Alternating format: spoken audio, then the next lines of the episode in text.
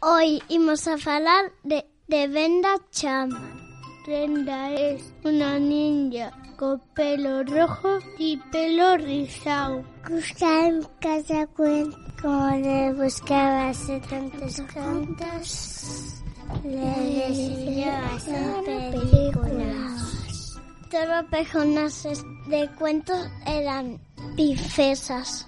Todos. Hay una se y otra no. Que Brenda es una bailarina. Yo no estoy de acuerdo contigo. Escucha, escucha. Bien. Brenda se buscó un trabajo y iba a crear una princesa. Así que pensó en su hermana y creó una luchadora. Se inspiró con su hija. Brenda creó a la princesa Mérida, una princesa que no es indefensa. ¿Y qué es? Valiente. Ahora yo. El vestido azul y los labios pintados y el pelo naranja. Naranja. Rizo. que no se escucha.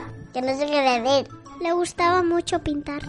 Trabajo en películas como... Eh, la Bella y la Bestia. La Sirenita.